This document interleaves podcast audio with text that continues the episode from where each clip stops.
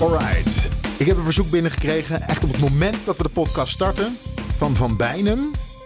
En hij vraagt: Ik hoop dat ik deze week voor politieke podcast door kan komen zonder alle nietzeggende bij in- en uitloop keer op keer aan te horen. Eh, als niet daar- lukken. Nee, gaat niet lukken. Kunnen we dat doen? Stond jij daar na gisteravond weer tot middernacht, Ik Leendert? heb, eh, nee, ik heb een eh, overweging gemaakt rond 9 uur. Toen, was de, toen waren ze nog niet eens naar binnen. Toen heb ik gedacht, ik moet weer om, eh, om 6 uur klaarstaan voor de radio. Ik eh, ga het thuis volgen. Maar le- lees die zin nou nog eens voor, want ik snap hem gewoon helemaal niet. Niet zeggende bij in- en uitloop. Ja, eigenlijk is de vraag of we kunnen stoppen met het laten horen van quotes van in- en uitloopjes met niks zeggende quotes. Nee, denk het niet. Gaan we niet doen. Nou, het, was, wel, het, het was wel het thema van vorige keer. Dat het ging over niet zeggende quotes. Maar dat, ging, dat hebben we juist laten horen om het te laten horen. We hebben het wel al de hele week over een toneelstuk. Waar, waar zitten we naar te kijken? Naar welk slecht toneelstuk eh, ga jij nu weer de hele nacht? Hè? En wat is het? Is het een drama? Bij de of een, dranghekken. eh, een, een, een klucht wellicht? Een tragicomedie. Een tragicomedie. Nou, ik hoorde een collega verslaggever dinsdag. Die stond live eh, verslag te doen bij het ministerie van Algemene Zaken. En hij zei daar, ja, binnen willen ze het geen eh, crisis noemen. Maar kijk hier eens buiten, wijzend naar alle journalisten. Ja, je kan toch wel spreken van een crisis? Hm. Dacht ik van, ja, eh, is er nou een crisis? Of maken wij als journalistiek er een crisis van? hou die gedachte heel even vast. Leonard Beekman hoor je. Sophie van Leeuwen, die is hier ook. Mats Akkerman, ik ben Mark Beekhuis. Je luistert naar Studio Den Haag van vrijdag 31 maart. Ja, is het een crisis of is het een eh, toneelstukje en kan dat samen? Het, het, het opmerkelijke is dat in de Haagse wandelgangen de meeste mensen die ik spreek zeggen: dit is een toneelstuk. Het kabinet gaat niet vallen. Maar we staan daar met z'n allen, camera's erop, elke avond eh, eh, nou, mee te doen aan dit theaterstuk. Eh, maar als ik mensen buiten Den Haag spreek, die ik dan bel, die hebben de indruk dat er een crisis gaande Dus is. het is een goed En- uitgevoerd toneelstuk. Dat het kabinet wel gaat vallen. Of misschien niet vandaag, maar voor de zomer of na de zomer. Ja, goed is het natuurlijk zo dat er nu niet een acute crisis is. Hè. Vandaag of morgen verwachten wij niet dat het kabinet gaat vallen. Maar ik ben wel van mening dat er zulke grote vraagstukken in het voorjaar op tafel komen. Hè. Dus de voorjaarsnota, stikstof, migratie. Eh, de, het is maar de vraag of eruit gaat komen met z'n allen. Moeten we even in, in herinnering brengen. 2012, dat is elf jaar geleden. Toen viel het kabinet Rutte 1. eh, vlak voor de voorjaarsnota. Dankzij Wilders en de bezuinigingen. Maar dat waren andere tijden. Ik bedoel, toen was er eh, de bezuinigingen, precies wat je zegt. Het was financiële En- en crisis was in een, eh, heel Europa. Er was echt geen geld. En de, de, de economische inzichten waren nog anders. Want toen was het, oh, het is crisis, dan moet je als een dolle gaan bezuinigen, zodat de hele economie kapot gaat. Eh, dat was toen de methode. Ja. En dat, ik geloof dat we dat nu niet meer doen. Want nu hebben we, nou ja, tijdens corona hebben we miljarden in de, in de economie gestopt. Ja, Klaas Knot waarschuwt er nu zelfs voor stop met zoveel Ja, uitgeven dat overheid. Want het wordt, eh, het wordt echt te veel. Dat is de enige die dat doet. Er zijn geen serieuze economen meer die je dat hoort zeggen op het ogenblik. Dus, eh, dus er dus- zit natuurlijk wel grens aan. Maar van nog de, lang niet waar de Nederlandse bank. Ja, dat weet ik. Ik weet dat. dat Nee, maar dat eh, doe ik even voor de luisteraar. Oh ja, goed. Ja, Meestal doe ik dat bij jou, Leendert. ja, ja nou. Ja, dus weer een, een, een, een argument. Het gaat niet klappen op de voorjaarsnota. Denken wij. Nee, dat denk ik. dat- Denken jullie dat? Nou, nogmaals, eh, er liggen wel grote vraagstukken voor. En met stikstof en met migratie is het nog maar de vraag of het echt gaat lukken. En Sophie denkt daar net iets anders over. We hebben nog steeds die weddenschap lopen. Ja, voor een fles wijn. Ik heb al iemand op de app gehad die zei: Je drinkt toch niet echt wijn? Mag ik hem dan hebben? Dus ik heb de fles wijn al weggegeven die ik zo meteen van jou ga krijgen. Maar die quotejes, ja, ik wil ze toch wel even horen. Want ik was er gisteravond ook niet bij, zelf. Ik denk dat we eruit kunnen komen. Ik kan alleen maar zeggen dat we een goede gesprek hebben gehad morgen verder gaan. Ik wilde eigenlijk verder... Waarom bent u optimistisch over dat u eruit denkt te kunnen Ik komen? zei dat ik denk dat we eruit kunnen komen. Het woord optimisme heeft uw collega van de NOS. Nee, maar dat, dat is natuurlijk een optimistische kijk eh, op deze. Interpretatie van mijn woorden, die laat ik geheel aan u. Ja, we kunnen eruit komen. Maar nee, wat er vandaag, ik denk dat ik we denk, kunnen ja, komen. we vandaag en niet eh, of het kabinet nog blijft zitten of niet. Waar die uit gaat komen is die brief. Daar heeft hij het over. Ja, Eh, die brief die komt er. Die brief die komt er, daar gaat hij uitkomen. Daar heeft hij, daar heeft hij gelijk in. Er komt een brief, dat gaat ze lukken. En we gaan Ja. proberen te versnellen. En dat was ook Wat opmerkelijk. gaan ze versnellen? Nou, eh, eh, Kaag van D66, die zei gisteren dus... eh, we willen versnellen. Maar toen had ze het niet over stikstof. Vond ik een opmerkelijke. Maar het gaat dan natuurlijk wel over eh, dus, eh, de problemen in de samenleving. Hè? Dus, dus eh, mensen die misschien Groningen, toeslagenaffaire, brede welvaart, armoede, dat soort problemen gaan we versnellen. Maar het ging niet over stikstof. Nou, het plan is dan, dan ga je niet meer praten over het jaartal, maar dan ga je gewoon eens een keer plannen die je hebt een keer uitvoeren. En dan ga je de gevoeligere discussie een beetje uit de weg, toch? Dat je een beetje tijd koopt daarin. Moeten we het ook nog even hebben over de brief die heel gisteren gister gelekt werd vanuit Europa. Vanuit Europa, ja. Hè, de eurocommissaris, brief aan eh, Van der Wal, waarin toch gezegd wordt... Hey, we gaan ervan uit. Ik heb de brief een paar keer gelezen om er echt zeker van te zijn dat ik hem goed begrijp. Want iedereen legt hem anders uit. Maar volgens mij staat er, eh, we gaan ervan uit dat Nederland zich gaat houden aan de plannen zoals ze gemaakt zijn. Dus de doelstellingen. Er staat ook een, een jaartal bij. Hè? Dus de plannen voor 2021 van het regeerakkoord tot 2029. Dus in 2030 moeten de doelen gehaald zijn. En er wordt zelfs in de brief gesproken over de KDW, waar Brussel het normaal gesproken niet over heeft. Dus het is een opvallende brief. Ik heb me wel enorm gestoord aan alle complottheorieën, ook gevoed door Caroline van der Plas eh, van BBB. Over hoe komt die brief er nou? Wat is het op raar briefpapier? Er staat geen logo bij. De aanhef is vreemd. Eh, Wie heeft hem wordt- gelekt? Wie heeft hem gelekt? Er wordt enorm D66 ges- natuurlijk. er wordt enorm. Ja, ik, nee, dat wordt vanuit LNV gekomen. Maar om er over één, Dus de ChristenUnie. een- één stukje van zo'n complottheorie in te gaan. eh, er is dus gisteren een brief gestuurd en vandaag ligt die op het ministerie. Ja, een brief kan ook via de mail gestuurd zijn en uitgeprint zijn. En daar kan een foto van gemaakt zijn. Kom op. We hoeven niet overal iets eh, achter te denken. Dat er op één een briefje wel een logo staat en op de ander niet. Laten we nou niet eh, ons voor de gek houden en net doen alsof die Maar brief niet dit is vanuit Europa natuurlijk wel een politiek spelletje. Ja, die brief is niet voor niets gelekt.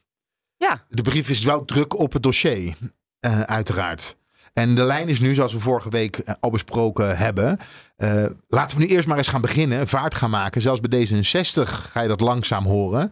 Tjeerd de Groot schijnt een beetje op de reservebank gezet. eh, die die hebben ze op de reservebank neergezet. Die moet heel even zijn, zijn mond houden. Ik snap dat nog steeds niet hoor. Dat hij op de reservebank is gezet.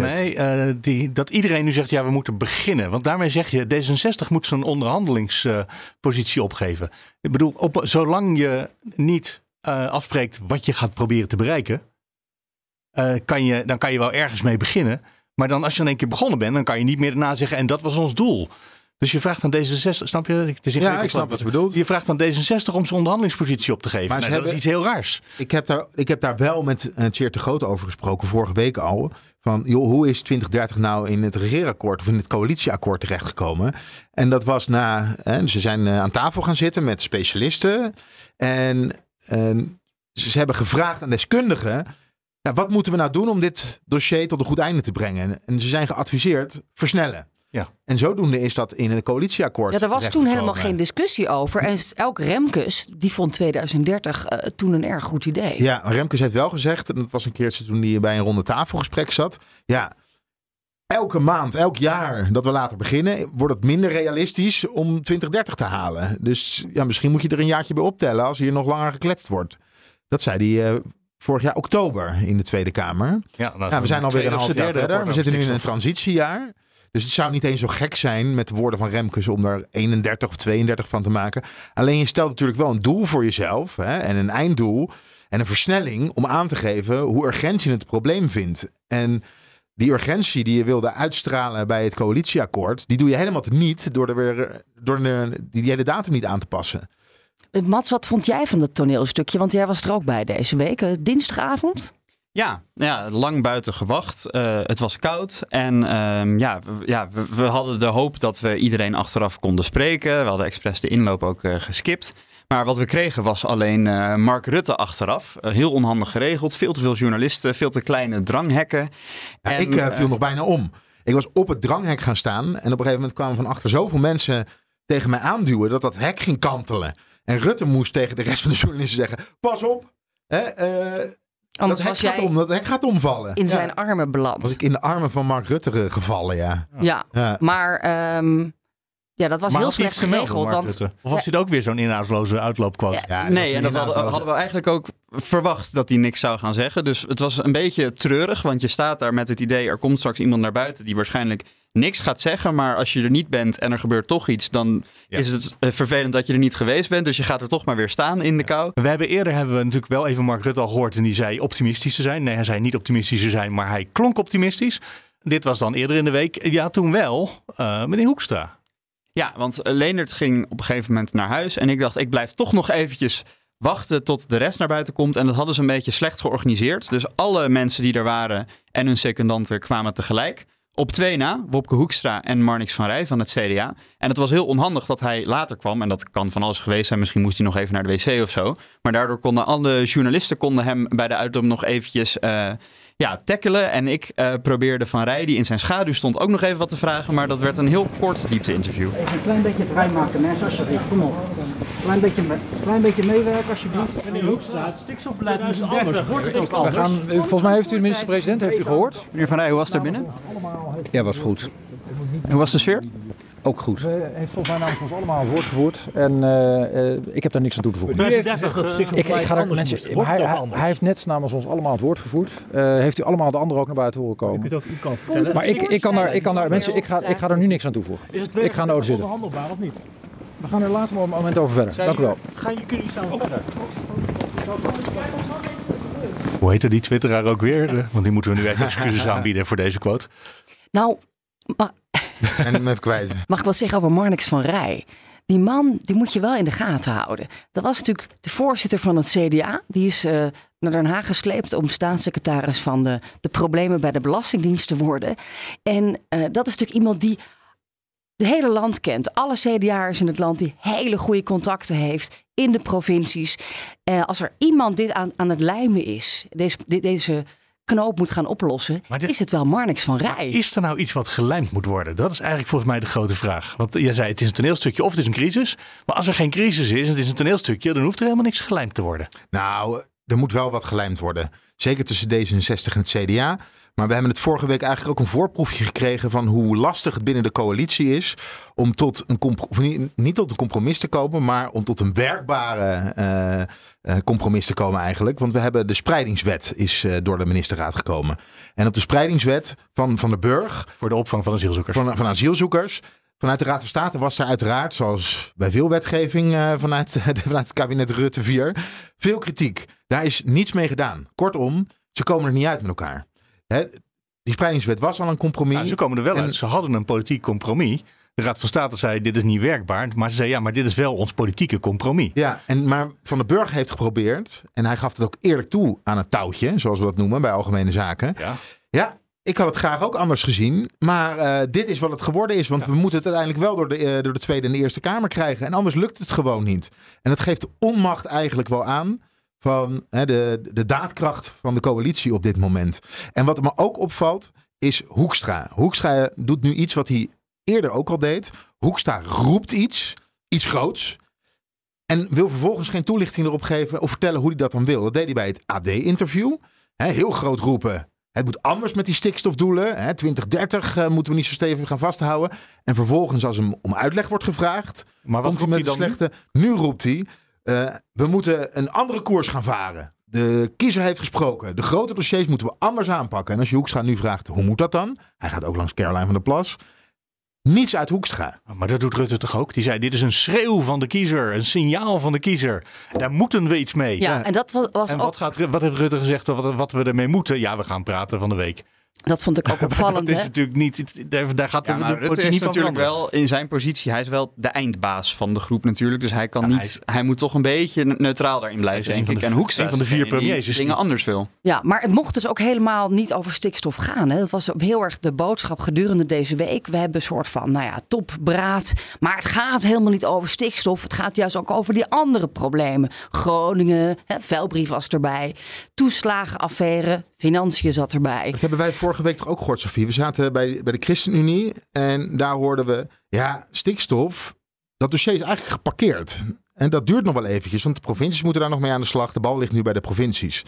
Eh, waar we het echt over moeten gaan hebben, is de voorjaarsnota. En is de, het nieuwe eh, klimaat, het IBO-klimaat. Dat zijn de hete hangen. En migratie, dat zijn de hete hangijzers op dit moment, hè, in het voorjaar. Daar moet op korte termijn daadwerkelijk over gesproken worden. En daar moeten we besluiten over. Ja, en zo zal het debat volgende week ook gaan. Dus stikstof, jongens, daar wordt aan gewerkt. Provincies eh, aan zet. Maar wij gaan werken aan de uitvoeringsprobleem van ons land. Toch hoe we Ja, we al die grote- arme burgers gaan We gaan helpen. de grote problemen in de samenleving oplossen. En dat gaan we versnellen. Ik En- vraag me wel af hoe, hoe, hoe ze dat eigenlijk willen versnellen. Nog een observatie. ambtenaren? Wat we, wat we ook hebben gezien bij de verkiezingen is, en waar boer-burgerbeweging eh, vaak op wijst, is het, af, het, verwijzen van verantwoordelijkheid. Dus ja, het moet nu eenmaal van Europa. Het moet nu eenmaal van de rechter. En eh, eh, dat is eigenlijk een heel zwak argument. Je, je wil iets als coalitie omdat je denkt dat het het best voor het land is. En niet omdat je gedwongen wordt door een rechter of door Europa. En nu met die brief gisteren krijgen we waarschijnlijk bij het debat weer het verhaaltje. Ja, maar u heeft de brief, u heeft de brief toch gezien van de eurocommissaris? Maar we hebben toch ook een regering die zich voorgenomen heeft op heel veel onderwerpen gewoon geen, geen visie te willen hebben. En we hebben natuurlijk wel inmiddels, maar Mark Rutte zegt dat niet meer zo hardop, maar dat is niet veel veranderd bij eh, de VVD-kant en voor een deel ook van de CDA-kant van deze regering. Ja, we moeten wel omzien naar elkaar. Dat, dat is denk ik Ja. de boodschap. Maar bijvoorbeeld, we hadden van de week een debat over de verduurzaming van de industrie. En de, Tenenkrommend was dat debat. Nou, ja, maar een, een van de dingen die daar speelt eh, is, eh, er zijn twintig hele grote bedrijven die heel veel uitstoten. En de gedachte was, als je die 20 nou eens aanpakt, dan ben je, dat is geloof ik 60% van de uitstoot in Nederland. Dus dan ben je een heel eind van je klimaatdoelen opgeschoten. Daar, zit alleen wel allerlei bedrijven bij waarvan je af moet vragen of je die nodig hebt nog in de toekomst. De olieraffinaderij bijvoorbeeld. Bijvoorbeeld. En een, eh, we, we zijn in Nederland bezig om naar eh, circulaire landbouw te gaan. Dan heb je niet meer een enorm eh, mestbedrijf nodig. Dat is wel een van de grotere uitstoters in het land. Dus is het dan handig, vraagt, dit is de GroenLinks-vraag uit het debat, om alle twintig de grootste uitstoters nu heel veel geld te gaan geven, zodat ze zich kunnen aanpassen aan een eh, lagere CO2-uitstoot? Of moet je misschien denken, nou, wat je zegt, een olie, eh, olieraffinaderij hebben we niet meer nodig misschien? Ja, En dan zegt de minister, die zegt, ja, maar sorry, ik heb helemaal geen idee over wat voor bedrijf ik in dit land nodig heb. Ik Ja. weet het gewoon niet, interesseert me ook helemaal niet. Eigenlijk zei ze dat. ja, en ze zegt ook, diplomatieker hoor. ik heb eigenlijk nog maar met vier bedrijven een principeafspraak. Dat is dus nog geen deal. Dan zijn er nog Nee, maar die deal die kan ook pas als de Tweede Kamer de handtekening laat zetten. Ja. Dus eh, dat, ze- dat, ze ze zijn ver, ze, ze, ze, ver als ze kan Maar komen. de ambitie is Met die 20. vier, de bedoeling Ja, was. Ja. misschien nog vier erbij deze zomer. Dan zijn er misschien nog zeven die ook wel nadenken over een principeafspraak. Maar eigenlijk zegt Adriaans, dus van Economische Zaken, Ja, die deze regelt. week... Ik, ja, ik ga het misschien niet halen in mijn regeerperiode. En dan maakt ze ook nog de grap of het kabinet, hoe lang het kabinet eigenlijk nog wel zou zitten. Ja, het liefste zou ik zeggen als ik met alle bedrijven, de 20 bedrijven, in de periode van, nou, laten we zeggen, de kabinetsperiode is formeel nog twee jaar. Als, als ik dat voor elkaar krijg. Ik weet niet of dat gaat lukken. Want de situatie bij die bedrijven is echt verschillend. En ze wilden er al acht deals hebben rond de kerst, zeg ik uit het hoofd, of tien. Het gaat Ehm, langzaam. Nou moet ik zeggen, Nobian, en dat is een van de bedrijven die bij die vier hoort, die wel een afspraak heeft, die was bij een eh ronde tafelgesprek vorige week. En die zei, eh, ja, maar je moet een beetje denken aan de oprichting van een joint venture van twee bedrijven. Dat doe je ook niet in een eh, halfjaartje. Dus ik vind eigenlijk dat het wel in een redelijk tempo gaat, hoor. Dus Ja. die, die, was, die was eigenlijk best positief over het tempo wat er gemaakt werd. En daarnaast zat een meneer die van de raffinaderijen, VMobin, eh, de branchevereniging is. En die zei, eh, in september had ik er helemaal geen vertrouwen in. Maar inmiddels ben ik wel een beetje optimistisch. Dus misschien dat, het, eh, dat, het, dat er wat versnelling in dat proces aan het komen is. Had ik de indruk dat minister eh Jette van D66, die zat naast Adriaans, dus zichzelf aan, zat op te vreten tijdens het debat. Die zag er ja, eigenlijk heel slecht uit, met een soort van donderwolk op zijn gezicht. Ze had zich dooderg eh, over, denk ik, hoe, de manier waarop het nu gaat. Maar goed, hij is natuurlijk de klimaatpaus, dus dat is ook niet zo gek. En het is wel een vervelend patroon dat je dus nu, je hebt Adriaans die zegt, ik weet niet of de verduurzaming al gaat lukken in mijn termijn. Eh, we hadden afgelopen week Marnix van Rij, die moet de belasting hervormen. Die heeft eigenlijk al gezegd, nou, de ICT-systemen, dat hervormen gaat in 2026 waarschijnlijk niet eens lukken. Dat wordt ook een jaar later. Gaat niet lukken in mijn termijn. Eh, we hebben een staatssecretaris van Cultuur die al heeft aangekondigd dat ze niet door wil eh, een volgende termijn. Dus, eh, en in de, in de landbouw-stikstofdiscussie hebben we het over 2030 of 35, wat ook na deze kabinetsperiode valt. Dus deze groep is bezig met iets. Maar gaat er iets wel nog Ja, binnen hun erachter regeerperiode? Ja. Gaat er iets lukken? De enige optimist, eh, iemand die dat probeert uit te stralen op dit moment, is nog Piet Adema van Landbouw. Die was niet bij het overleg, want die heeft het zo druk met dat landbouwakkoord. En hij moet het gaan halen. Het wordt waarschijnlijk niet eind april. Ik denk dat het ergens in mei wordt, als het gaat lukken. Maar joh, die man, die heeft er echt zin in, hè Leendert? Hij wilde eigenlijk niet bij het overleg zijn, omdat hij het gewoon te druk had met het landbouwakkoord. Veel belangrijker dan het gekissenbis in, eh, in de coalitie. U bent geduldig met z'n allen. Ja, zeker. Geweldig. Meneer Ja. Adema, eh, nog toch nog even over waarom u er nou niet bij bent vanavond. Nou ja, wat ik al gezegd heb. eh, ik, eh, er zijn twee mensen afgevaardigd. Carola Schouten als vicepremier, vanzelfsprekend. En daarnaast Maarten van Ooyen. Ja, en ik heb... een groot dossier. Eh, waarom bent u dan niet eh, aangeschoven straks?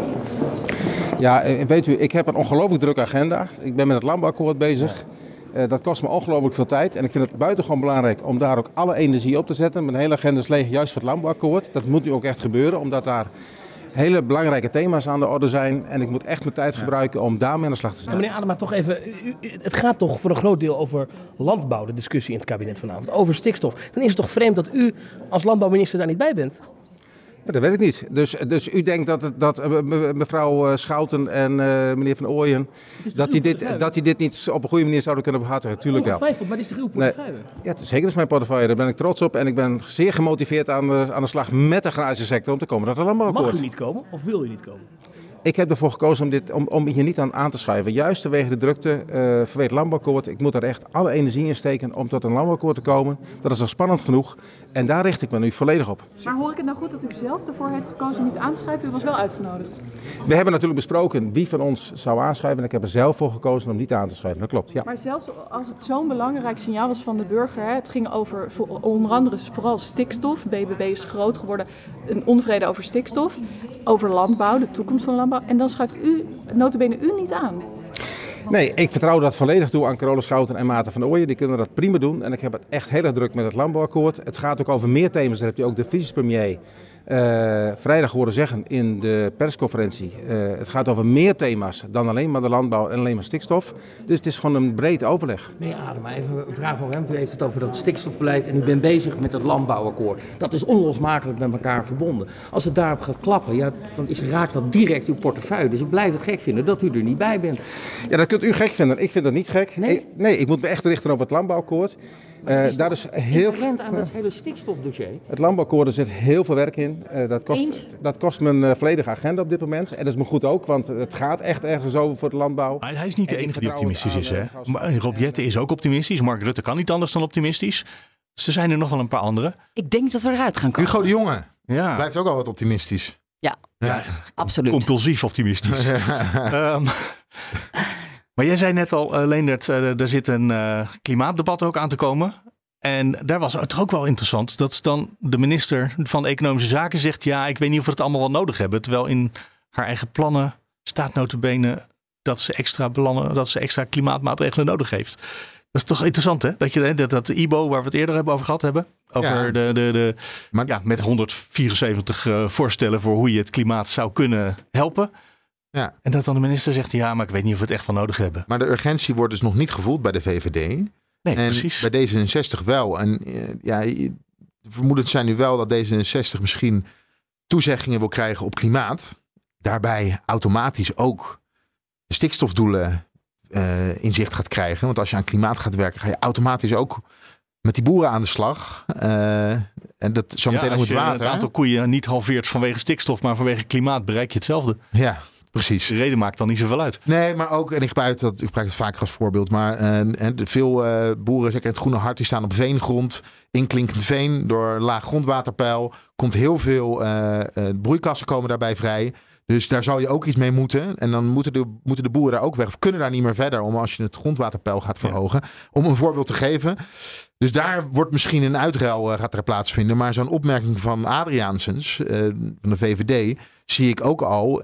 In, dat is een opmerking binnen dat spel van eh, uitruil. Ja, nou ja, je hoort Beetje ook als je- good cop, bad cop. Dat dan de, het VVD-bewindspersoon zij moet zeggen... Hè, we gaan niet te ambitieuze doelen doen die de bedrijven wegjagen. En de D66-bewindspersoon zegt, maar we gaan wel het klimaat redden. Nou ja, eh, er staat gewoon in het regeerakkoord. Dus als eh, de VVD hier zijn handtekening ook alweer onder weghaalt. eh dat, ik zou als D66 heel chagrijnig worden. Ja, het is een, een huwelijk, vuilbrief van D66. Ja.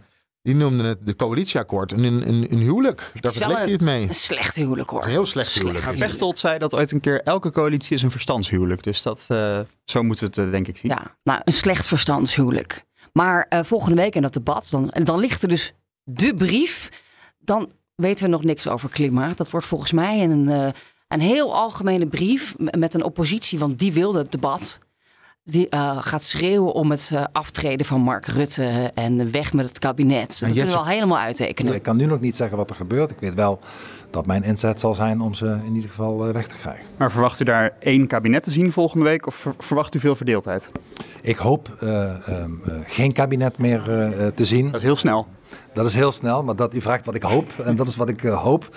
Eh, maar verwachten doe ik dat eerlijk gezegd nog niet. Maar nogmaals, we zullen het zien. De komende week, althans voor het debat, wordt cruciaal wat er gaat gebeuren. Ja, de motie van wantrouwen zal al wel geschreven zijn, hè? Ja, en die zal eh, met steun van de coalitiepartijen niet worden aangenomen. Ach, je meent het. Dus ja, dat, eh, dat wordt weer een, weer een toneelstukje, denk ik. Dinsdag. Ja, wat, in de want wat gaat er dan wel gebeuren? Wat, gaat die, wat gaan die oppositiepartijen allemaal roepen? De coalitiepartijen gaan natuurlijk zeggen dat ze goed bezig zijn en dat we eh, luisteren naar het volk. En eh, er zijn verkiezingen in de provincie geweest en daar moet je wat mee doen. Maar wat Jesse- gaat dan de. Maar we moeten op Jesse Ja. Klaver gaan Ja, letten, want Jesse die heeft dit debat aangevraagd. Ja, en hij heeft zich er eh, goed op voorbereid. Want normaal gesproken is hij altijd aanwezig bij de debatten over de woningmarkt. Daar was Jesse Klaver afgelopen donderdag niet bij. Had hij geen tijd voor. Had hij geen tijd voor, want alles is gericht op het debat van aanstaande dinsdag. Volgens mij zijn er twee grote problemen. Het eerste is geen duidelijkheid als het gaat over stikstof en iedereen naar de mond praten. En daarom is het totale stuurloosheid en ligt het land stil.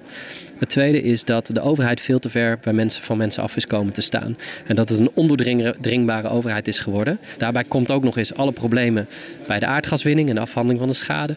Het toeslagenschandaal wat de overheid niet weet op te lossen. Daar zit het falen van de politiek en van de overheid. Er wordt niks nieuws eigenlijk. Nee, Nou, wat Jesse, wat Jesse als, dit het, Klaver, als dit het debat wordt, dan hoeven we niet te kijken. nou, Jesse Klaver zegt, ja, toezeggingen, we gaan grote dossiers aanpakken van Rutte. En eh, we moeten luisteren naar de kiezer en we moeten nu daadkracht tonen. Hij zegt, dat is niet genoeg. En ik vermoed dat Jesse Klaver met het coalitieakkoord in de hand naar de interruptiemicrofoon gaat lopen. Je hebt het nu ook in je hand. Ik heb het nu ook in mijn hand. Ik heb, er, ik heb hem even helemaal uitge. ik heb het voor je uitgeprint, want jij Ja. kunt er niet printen. Nee, niet duurzaam. En dat hij gaat, gewoon gaat voorlezen. hey, ehm, twee jaar geleden hadden we verkiezingen. Ehm, eh, iets meer dan een jaar geleden kwamen jullie met eh, omzien naar elkaar. Vooruitkijken naar de toekomst. Zullen we eens kijken wat er allemaal gelukt is van die eh, mooie ambities? Oh, dat is jouw plan. Afzien met elkaar en. eh, wat zei je nou toch ook? Vooruitkijken naar het verleden. Omzien naar elkaar, ja. En eh, nou, laten we eens kijken wat er in het coalitieakkoord Ja, staat. of misschien moeten we eerst even beginnen met eh, ja, hoe het allemaal begon. Nou, wat, wat is het? al twee, ruim twee jaar geleden. Standshuwelijken gesproken. Niemand zou willen ontkennen dat het een lang en moeizaam proces was. Dat de onderlinge verhoudingen tussen partijen daarin te lang een te grote rol speelden. Of dat er regelmatig sprake was van koortsachtige opwinding en inderdaad hevig geconcentreerde activiteit. Dat er deze keer bijna twaalf maanden zijn verstreken tussen het aftreden van het vorige kabinet en de beëdiging van een nieuw kabinet. Dat is gewoon te lang. En de opnieuw langste formatie ooit, ik zeg het u na, voorzitter, vraagt een stevige evaluatie en een kritisch zelfonderzoek van ons allen. Nou, dat zelfonderzoek, dat is dan dus kennelijk deze week. Op Dat is eh, dinsdag en Nog donderdagavond. steeds bezig, ja. Of zou het dan moeten beginnen? Ja, een koortsachtig overleg. Het is een toneelstukje, zei je. En daar blijft, er- die gedachte die blijft toch een beetje echoen. Ik denk dat, dat die, die kritische zelfevaluatie nog niet begonnen is. ja, lach nou, maar dat om. is dus, maar dat is wel wat er nu, eh, wat Dat er is nu toch gebeurt. wat, eh, wat, dat in ieder geval het beeld aan de buitenkant. Ja. Dit, eigenlijk zijn, we nu, zijn ze dus nu, eh, ja, wa- waar ze een jaar over hebben gedaan, dat ettert nog steeds voort. En, en daar zijn ze nu op aan het herschikken. Voor jij gaat voorlezen uit het eh, coalitieakkoord. Misschien is het handig om Mark Rutte eventjes zelf de samenvatting te laten geven van Fijn. het hele akkoord. Ja. Kort samengevat gaat het akkoord van VVD, D66, CDA en ChristenUnie, wat ze met elkaar hebben gesloten, daarom hierover. Over een klimaataanpak waarmee Nederland Europees koploper wordt. Een betere natuur en een goede toekomst voor de landbouw. Over rechtvaardigheid en goede toegang tot het recht in een veilig land. En een harde aanpak van de georganiseerde misdaad en ondermijnende criminaliteit. Over het kunnen vinden van een goed en betaalbaar huis en een aantrekkelijk ondernemersklimaat en een innovatieve economie. Een fatsoenlijk inkomen en bestaanszekerheid. Over erbij horen en mee kunnen doen in een samenleving waarin geen plaats is voor racisme en discriminatie. Met goed onderwijs en gelijke kansen voor alle kinderen en jongeren. Over hoe goede zorg ook in de toekomst beschikbaar en toegankelijk blijft.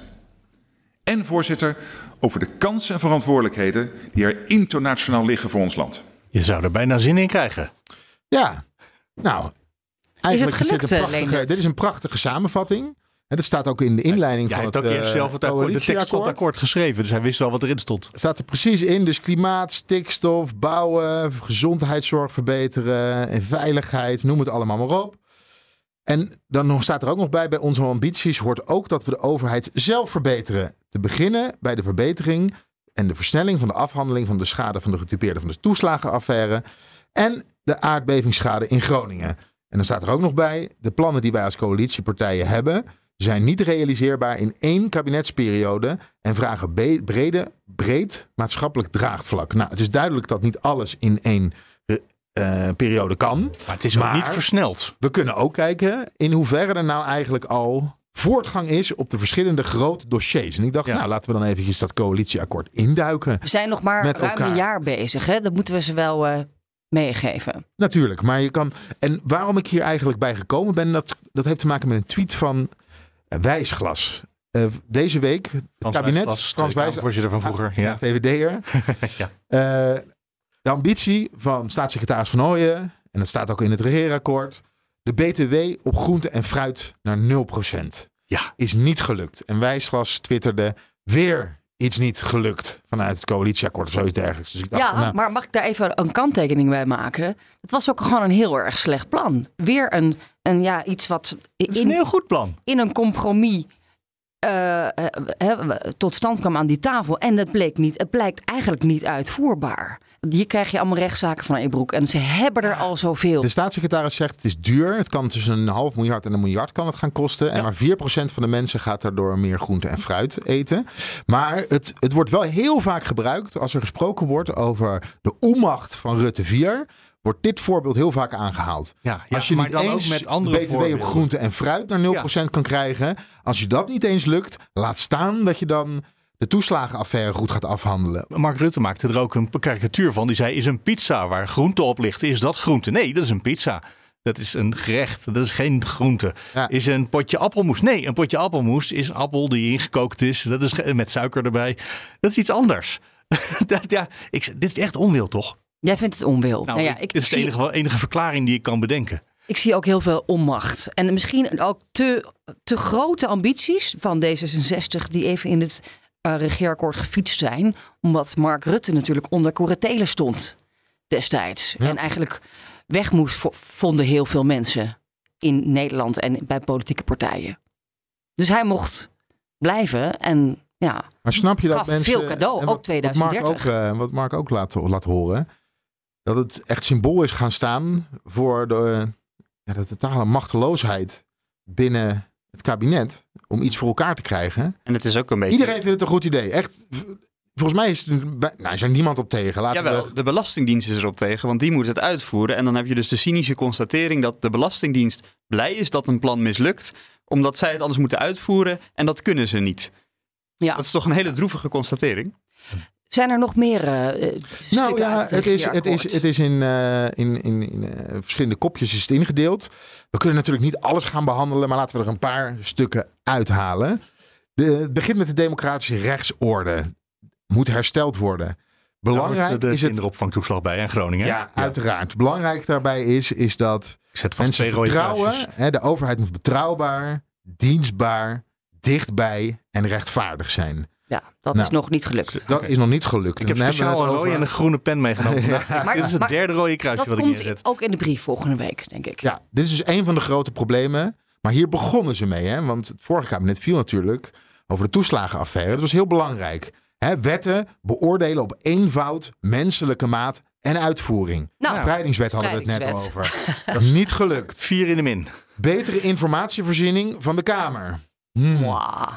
Duidelijke scheiding tussen Kamer en kabinet. Hmm. Nou, dan gaan we naar het... eh, Nee, sterker nog, op het ogenblik zit, omdat er in de provincies verkiezingen geweest zijn, zit de regering met elkaar te praten. De coalitiepartijen weliswaar, maar het zijn toch de regeringsmensen die met elkaar zitten praten. Ja. Het is niet de Tweede Kamercoalitie die zegt, willen we deze regering nog wel steunen? Dus dit Nee. is echt de vermenging van eh, kabinet en Kamer. Nee, bij de coalitiepartijen in de Tweede Kamer eh, horen wij de hele tijd... nee, dit moet echt het kabinet oplossen. Ja, Dat is precies. niet, eh, nee, de CDA en de Tweede Kamer eh, gaat Maar als het hier kabinet er niet mee bemoeien. doorgaat, dan kan de, de, de Tweede Kamer gewoon lekker blijven controleren en meebesturen. Dan is er helemaal geen overleg nodig. Dus je zou denken, het zit tussen de partijen mis. Ja, de democratie, de nieuwe bestuurscultuur. Dat, ja, eh, daar gaan we ja. niet over. De nieuwe, Daar- nieuwe elan is weg. Oh ja, het nieuwe elan. Ja. Ja. Duurzaam land. Dan komen we bij, eh bij Mark in, de, in de categorie democratische rechtsorde heb ik dus eh, tot nu toe vijf rode kruisjes en nul Ja. vin- groene vinkjes Ik moet wel zeggen dat ik niet alles uit het coalitieakkoord heb opgeschreven. Nee, maar deze wel vijf een staan paar toch wel belangrijke punten waarvan ik dacht van dit zijn wel de speerpunten geweest. Ja. Binnen, de, binnen hè, het kopje eh, democratische rechtsorde komen we bij duurzaam land. Dat is Mark.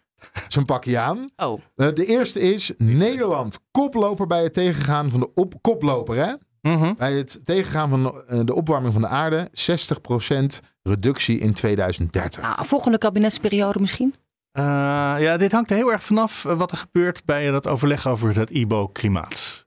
Eh, op het ogenblik zitten we niet op schema. Ik zet er, eh, maar ik, ik vind het eh, net een beetje toevallig te vroeg om daar nu hoop. nee tegen te Nou, zeggen. ik heb wel een paar dingen ertussen gezet, zodat er toch nog groene vinkjes kunnen komen. Bijvoorbeeld, hier er komt een neer. minister van Klimaat en Energie. Nou, dat is dat is gelukt. gelukt. Ja. Dat is gelukt. Klimaat- en Transitiefonds van 35 miljard. Hoppa. Dat gaat Groen er vinkje. komen. Het is wel iets Ja. duurder dan we hadden gedacht. Maar oké. Ja, maar kijk, als je het lijstje nou ziet, hè, want jij Ja. bent hier de expert. eh, Ja. Nou, ik denk, voor, voor een deel eh, is het natuurlijk want niet alles wat duurzaam is. Wat ik, het eh, MKB helpen verduurzamen. Door de oorlog in Oekraïne eh, wordt daar wel vaart mee gemaakt, denk ik, toch? Dat wordt geprobeerd, zeker. Ja. Niet alleen het MKB, ook de mensen thuis en ook de grote industrie. Ja, dus Voldoende vakmensen om de ambities uit te voeren. Die kunnen we denk ik overal op rood zetten. Ja, dat is niet per se Ja. voor dit domein een probleem, maar dat is wel een, een probleem. Maar bijvoorbeeld, de, de- er werd wel afgesproken van, zullen, laten we ervoor zorgen dat we zo snel mogelijk huizen gaan isoleren. Minder energie verbruiken, minder afhankelijk worden van eh, fossiele brandstoffen. Ja, Grote, grote projecten voor verduurzaming van huizen zijn er niet, bij mijn weten. Ja. De Nationaal Isolatieprogramma. Ja, dat klopt. Je mag geld lenen. Ja. Ehm, maar er worden wel nu ineens bijvoorbeeld fix-it-teams. eh er is geld voor vrijgemaakt. Dat zijn mensen die met eh, van, die, eh, van, die, van die tochtstrippen en zo langs eh, slecht geïsoleerde woonwijken gaan om daar huis aan huis mensen te helpen. Eh, dus er, Er gebeurt wel maar onder druk, hè? Dit is, ja, eh, dit, ging niet, eh, dit ging niet op initiatief van de regering. ja, maar gaat het, gaat het goed met de transitie in Nederland? Het gaat eh, heel snel en veel te traag. Nou, ligt dat dus toe? Eh, nou, we, we- nou, we- we begonnen met die 60% reductie van, eh, van, de, uit- van de broeikasgassen. Dan, dat neemt af. In sommige sectoren heel veel. Eh, de industrie ligt redelijk op schema. De, de mobiliteit, dus alles wat op eh, wegen en zo zich afspeelt, helemaal niet. Daar, daar moet echt nog verschrikkelijk veel gebeuren. er is ook een Ehm, ambitie bijvoorbeeld, hè, want dit werd nog geschreven in tijden van corona, om het thuiswerken te stimuleren. Dat is gelukt met corona. Ja, met corona wel. Maar we zijn allemaal weer terug op de weg. Eh, dat, is, eh, dat is niet gelukt. Nee. Ja, het enige lichtpuntje is dan misschien dat minister Harbers eh, van Infrastructuur geen nieuwe wegen meer mag bouwen. Kan bouwen. Ja. Vanwege stikstof ook. stikstof. Ja.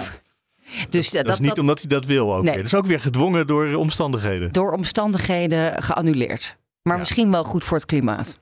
Even kijken, wat heb je nog opgeschreven allemaal? Want je hebt een mooie samenvatting gemaakt, Leendert. Eh, stimuleren van hernieuwbare energiebronnen. Ja, dat gebeurt zeker. Biomassa snel afbouwen, daar zijn we mee bezig. Kerncentrales, eh, de voorbereidingen daarvoor, zeker onderweg. Gaswinning in Groningen zo snel mogelijk afbouwen.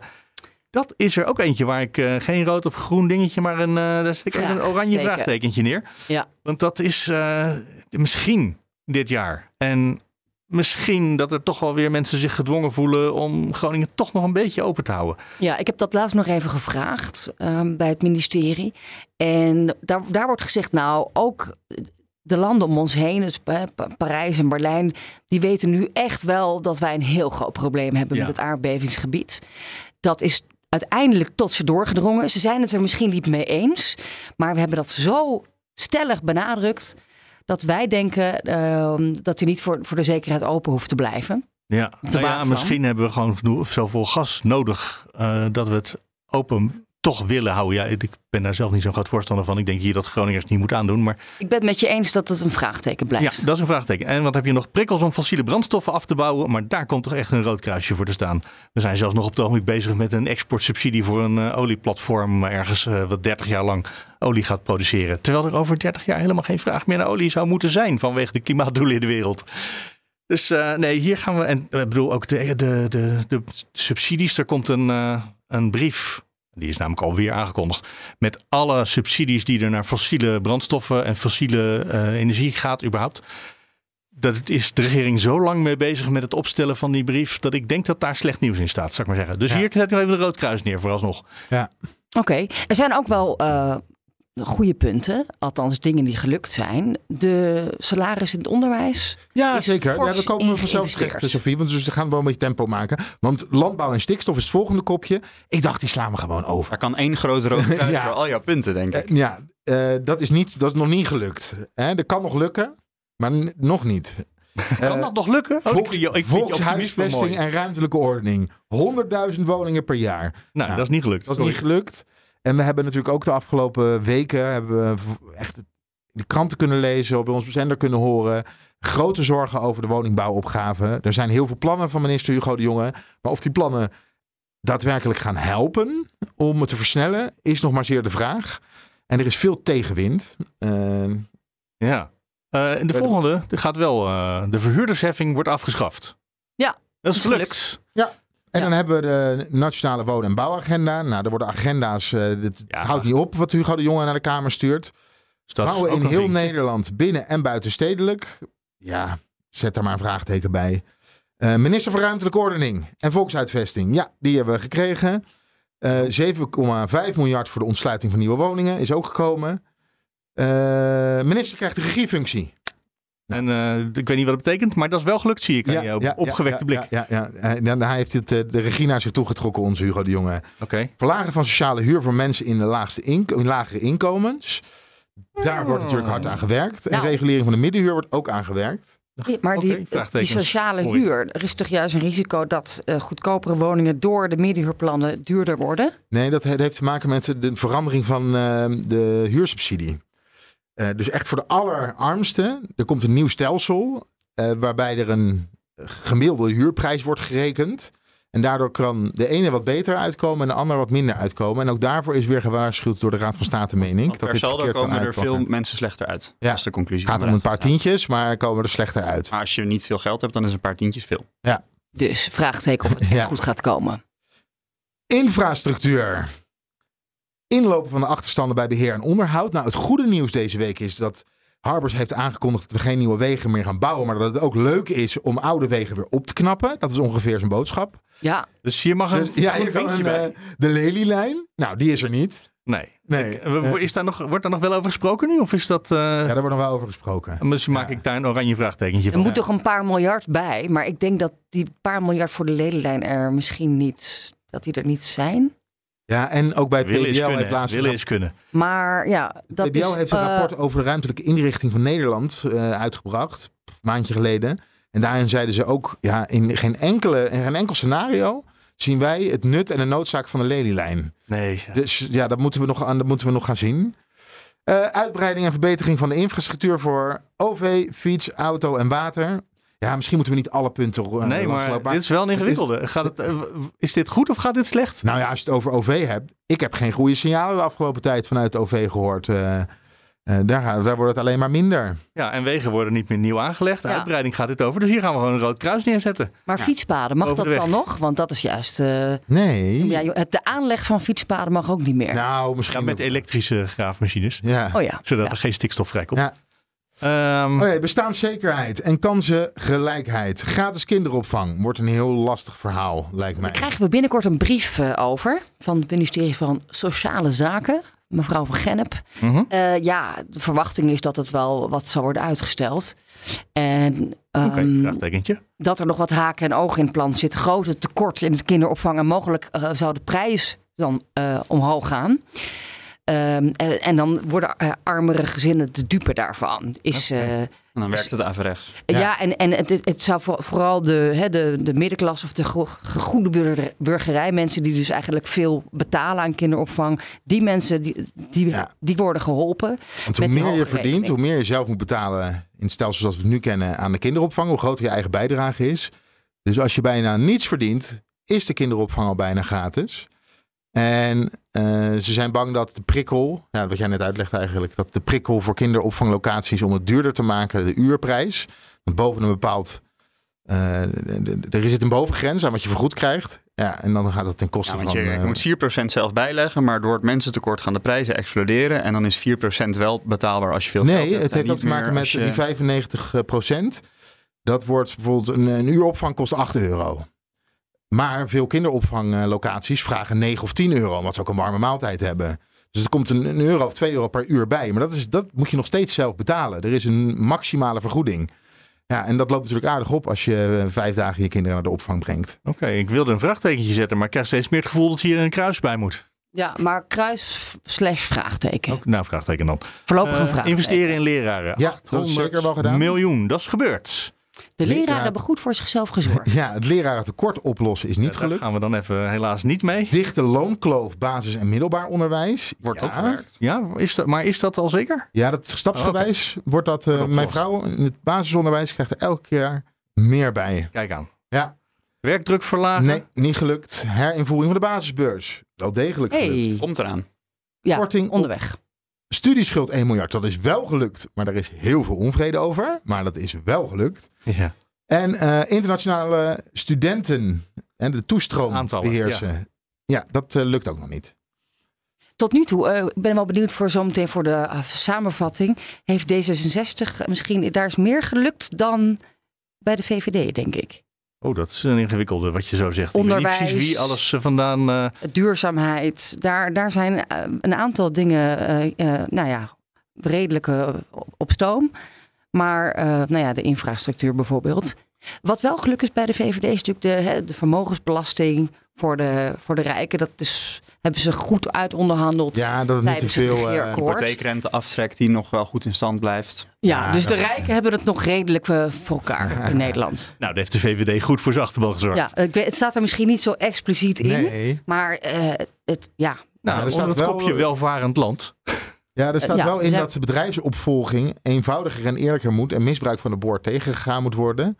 Gisteren toevallig gesproken, een donderdagavond in de Tweede Kamer over de boor. Die wordt voorlopig niet eh, afgeschaft. Maar daar komen we zo meteen bij welvarend land. Ja. We komen nu bij arbeidsmarkt en inkomen. Een half miljard per jaar voor omvorming van arbeidsmarkt, reïntegratie en het aanpakken van armoede en schulden. Ja, ik denk dat dit helemaal. dit on- het kabinet is wel bezig met de aanpak van armoede en schulden. Maar door de energiecrisis zijn ze in een heel ander, eh, een heel ander vaarwater terechtgekomen. Dus ik denk dat het niet eerlijk is om ze hier nu op, af te, op af te rekenen. Oké. Nee, maar bijvoorbeeld Dan pak ik er een nieuwe kleur bij, hebben wel blauw extra voor hem, eh. energiecompensatie gekregen. Bijvoorbeeld mijn tante in de bijstand, die heeft wel twee keer een extra Ja, bedrag maar gekregen. uiteindelijk Dus er vallen er wel meer mensen door de mand. Hè, eh, het idee was om ervoor te zorgen dat er minder mensen in armoede zouden gaan leven. En dat worden er meer. Maar dat heeft wel in mijn ogen met een externe Ja, factor te maken. Waarbij eh, ik niet zo heel eerlijk zou zijn om het kabinet erop af te rekenen. Of, ja, er zal nog wel iets over in de brief komen volgende week. Eh, het verkleinen van het verschil tussen vast en flexwerk. Oei. Kortom, het overnemen van de adviezen van Borstlab. Nou nee, daar is niks mee gebeurd. We Nou, hebben een uur, prachtige wet die al zeven jaar lang niet gehandhaafd wordt. nul uur contracten. Er is wel iets gebeurd, is toch? iets gebeurd, Eh, maar dat is niet het verschil tussen vast en flex helemaal eh, opheffen. wel een uitspraak van de Hoge Raad geweest. Hè, Ja, om, natuurlijk, eh, was weer gedwongen. Ja, Maar eh, Deliveroo. komt voor de zomer nog een nieuwe brief van eh Karin van Gennep van Sociale Zaken om schijnzelfstandigheid eh, nog meer aan te pakken. Is mij beloofd Maar afgelopen de, week. de Dus, verwachting is dat op dit dossier erg weinig gaat bewegen de- deze kabinetsperiode. We hebben nog maar twee jaar. Ja. dus het wat doen we? Geef- Zetten we er een rood kruisje of een oranje vraagteken bij?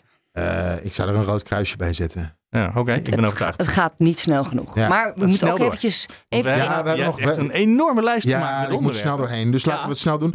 Eh, ambitie om de toeslagen af te schaffen en het belastingstelsel te vereenvoudigen. Nou, daar kan ook rustig een kruisje doorheen. ICT zegt nee. Nee, computer zegt no. Eh even Volgende kijken. kabinetsperiode. Minimumloon stapsgewijs met 7,5% verhogen. Daar kan een Ja, dikke krul doorheen, want het is versneld. meer geworden zelfs. Nee, twee versneld. krulletjes. Ja. Ja, het is versneld en het is meer geworden. Eh, hervormen van huurtoeslag hebben we het al over gehad. Schijnzelfstandigheid tegengaan. Nou, dat past ook bij dat flexwerken. Het moet aantrekkelijker worden voor ouders om werk en zorg te combineren. Gratis kinderopvang. Eh, pensioenakkoord.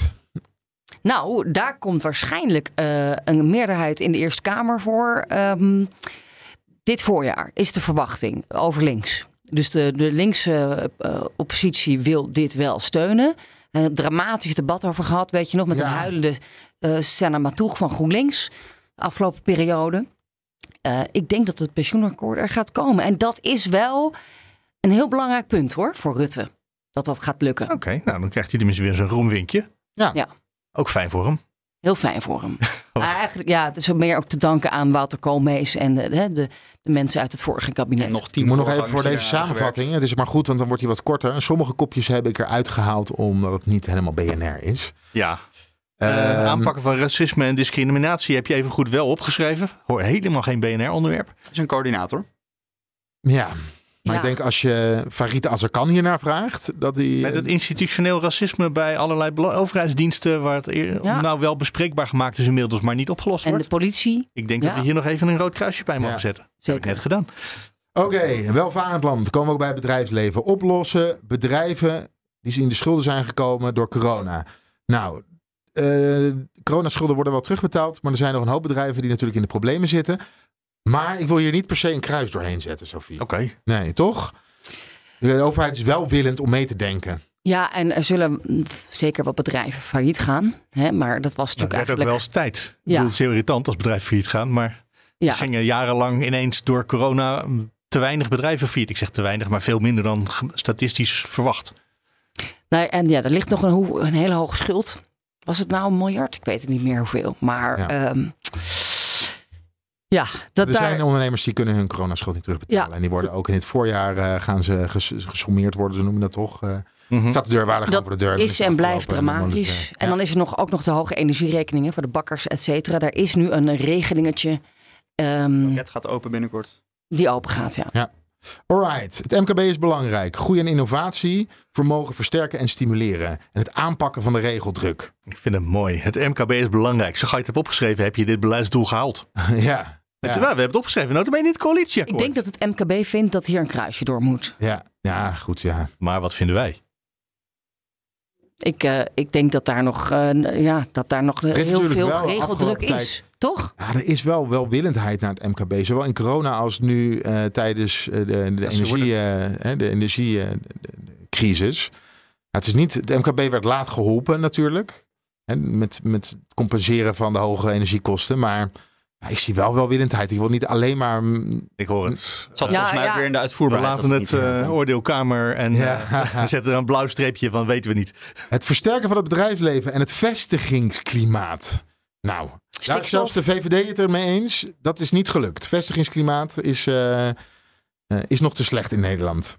Nationaal Groeifonds inzetten. Er was, van de week was er onderzoek, wat, eh, of was het vorige week, dat weet ik niet meer, dat eh, Nederland op nummer 4 in een lijst van 50 of zo onderzochte landen staat van vestigingsklimaat. En dat is omdat namelijk bedrijven helemaal niet kijken naar waar ze de allerlaagste belasting kunnen betalen. Maar die kijken of je fijne scholen hebt, eh, of je goed kan wonen. Eh, ze spreken hier Engels, dat is heel handig. Want dan kan je van over de hele wereld expats invliegen. En die kunnen meteen boodschappen doen zonder allerlei taalkursussen te moeten doen. Ik Ja. denk eigenlijk dat Nederland een heel goed vestigingsklimaat heeft. Alleen dat de, de, de economen bij de VVD zeggen: nee, maar we willen ook nog eh, minder belasting betalen. Ja, maar Misschien dat ik te veel geluisterd heb naar MKB Nederland, VNO-NCW. En eh, het is goed, maar ze zijn bang dat het verslechtert. Nou, stikstof kan het Ja, je kan verslechteren. altijd bang zijn. En de winstbelasting is wat gestegen. En dat kan natuurlijk ook hè, de omstandigheden verslechteren. Ja. Dan moet je er naar kijken. Oké, ik heb eh, dwars door dit rode kruis toch heel eigenwijs een groen vinkje gezet. ik ga nu echt dingen even overslaan ook om... eh, Laten we doorgaan naar gezondheid. Daar heb ik één punt. Dat was dat afschaffen van die suikertax. Had ik er even uitgehaald. Nou, dat was dus niet gelukt. Er zijn veel meer ambities. Ja, de groente- en maar, eh, fruitbelasting. ja, defensie. Ja, dat is een succesverhaal geworden. Want alle ambities op, eh, op het gebied van defensie zijn uitgevoerd en En beter. veel meer. Ja, Ja. dus eh Eh, 10, be- 10 behalve- miljard voor de onderhoud en, het inv- en investeringen van eh 3 miljard structureel. Nou, een krachtige NAVO als hoeksteen. Nou, we zijn zelfs eh, bij de NAVO-normen gaan we halen. Kanttekening, we gaan hem even halen en dan op lange termijn gaan we er weer onder zakken. Is Ja, maar er, er moet nu, er wordt ook wel gesproken eh, in de Kamer dat er gewoon structureel nog meer geld bij moet. Ja, maar mag ik dan even een kanttekening maken? Dus onderhoud hè, van de, al die panden en eh, personeelsbeleid bij Defensie. Ik denk dat daar een enorme onderuitputting zit. En daar- dat daar dus heel veel geld aan de plank blijft hangen. Die we weer kunnen inzetten bij de voorjaarsnota. Nee, want ik had begrepen dat geld voor defensie geoormerkt is. Nu opeens, vanwege de oorlog. Ja, volgens mij wel. Hmm. Ja. Ik moet het nog zien. Ik heb nog een laatste hoofdstukje in jouw eh, samenvatting. Ja, migratie. En daar krijg ik meteen een kruisje bij. Nederland staat voor een rechtvaardig, humaan, effectief asiel- en migratiebeleid. Neem zelf je tent mee en ga ergens eh, in de buurt van een asielzoekerscentrum Ja. kamperen, En toch? het Rode Kruis komt je wel helpen als het echt nodig is. Ja. Nou, jongens. We eh, willen eh, migratie zoveel ordelijk laten verlopen en in goede banen leiden. En meer grip krijgen op migratie. Leendert, ben jij wel eens in Parijs geweest of Brussel? Kijk eens even in grote steden om ons heen. Hoeveel mensen daar op straat slapen. Gewoon voor je, voor je deur. Je loopt er langs. Eh, ik denk wel dat als je het vergelijkt met eh, buurlanden, Nederland eh, toch helemaal niet zo slecht maar dan heeft. kunnen we het hele coalitieakkoord, als we dat gaan vergelijken met andere landen, kan je zeggen, ja, we doen het hier natuurlijk heel goed. we zijn een heel fijn land. Met om in, eh, Afghanistan doen we het echt heel goed. Ja.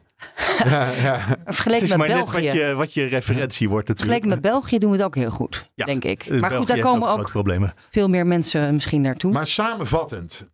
En natuurlijk, op heel, veel, op heel veel gebieden moet, eh, is er meer tijd nodig. Maar zijn ze nou op de goede... Klaver gaat hier zo meteen, daar begon het. Ja. Klaver staat met het regeerakkoord staan. En die gaat Ja. dan ook zeggen, hè, die, Groningen gaat hij natuurlijk noemen, de kinderopvangtoeslag, de belastingdienst, hè, de, de, de verduurzaming, de stikstof. Al met al zijn we er een beter land op geworden de afgelopen Nou, anderhalf als, jaar. als ik dit even kijk, het eerste hoofdstuk Democratische Rechtsorde, dat is alleen maar rode kruisjes. Duurzaam land, dat is ah, 50-50 zullen we zeggen. Dat geldt ook voor eh, de volkshuisvesting en voor bestaanszekerheid en niet voor de infrastructuur en zeker niet voor landbouw en stikstof. Arbeidsmarkt, ja, daar staan wat groene vinkjes bij. Het is, ze zijn bezig, maar ze zijn echt niet in de buurt van de helft. Ja, dan denk ik dat het antwoord van Rutte zal zijn op dinsdag in de plenaire zaal. Laat Rutte zijn klus afmaken. We hebben verantwoordelijkheid een jaar genomen. bezig. Hè, eh, ik ben uw premier. Eh, Mensen hebben mij, op mij gestemd. Ik heb nog twee jaar. Meneer Klaver, gaat u rustig zitten. En eh, we gaan er misschien uitkomen. Ja, daar hebben we alle vertrouwen in dat we eruit komen. Toch? ik ben er denk optimistisch over. Denk Oh, ik. ik denk dat we eruit kunnen komen. Ik denk dat we eruit kunnen komen. Ja, dat is ook nog. Hij denkt dat we eruit kunnen komen, maar niet dat per se dat hij dat wil. Dat kan ook nog. Ja, dus dat wordt denk ik, Ik denk niet dat we eruit willen komen. dat wordt de truc voor dinsdag. Hè? Als je denkt dat je eruit kunt komen. Ja, dan kom je er misschien wel uit, misschien niet. Ik had me voorgenomen om de podcast iets korter te maken, maar het is niet gelukt Nee, vandaag. mij. Echt?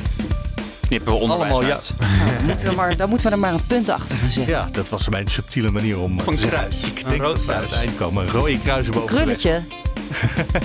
Podcast afmaken, wel gelukt. Ja, als je vond dat er we te veel te hebben gehad over eh niet-zeggende antwoorden bij eh, het ministerie van Algemene Zaken, dan kun je mailen. Ja. Sophie.van.leeuwen.bnr.nl Zoiets. Ja, ik weet ook niet dat het uit mijn hoofd is. Ja, en sorry daarvoor. Sorry daarvoor. We komen aan het einde van Studio Den Haag.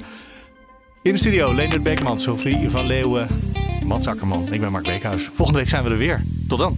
Of is het volgende week reces? Zes. Ja, weet ik niet. Ik ben er wel Oh. weer aan toe. Goede Nee, we Vrijdag. hebben dat debat. Volgende week is het Goede Vrijdag. Is het Goede Vrijdag volgende week? Ja, was dat niet de dag vrijdag. waarop Segers eh, de stekker uit Rutte trok? Oh, was dat eh, Witte Donderdag? Nee, dat Ja, was iets, zo'n dag. Ah, iets in die zaterdag. richting. Ja. Nou Niet ja. zo goed met christelijke feesten. Dus eh, ja, dat wordt, gaan we een podcast maken? Ja, Volgende week toch. de Ramadan al voorbij. Ook Thomas van Zeil vind je in de BNR-app. Je kunt live naar mij luisteren in Zaken doen, de BNR-app met breaking news, het laatste zakelijke nieuws en je vindt er alle BNR-podcasts, bijvoorbeeld Het Nieuwe Geld. Download nu de gratis BNR-app en blijf scherp.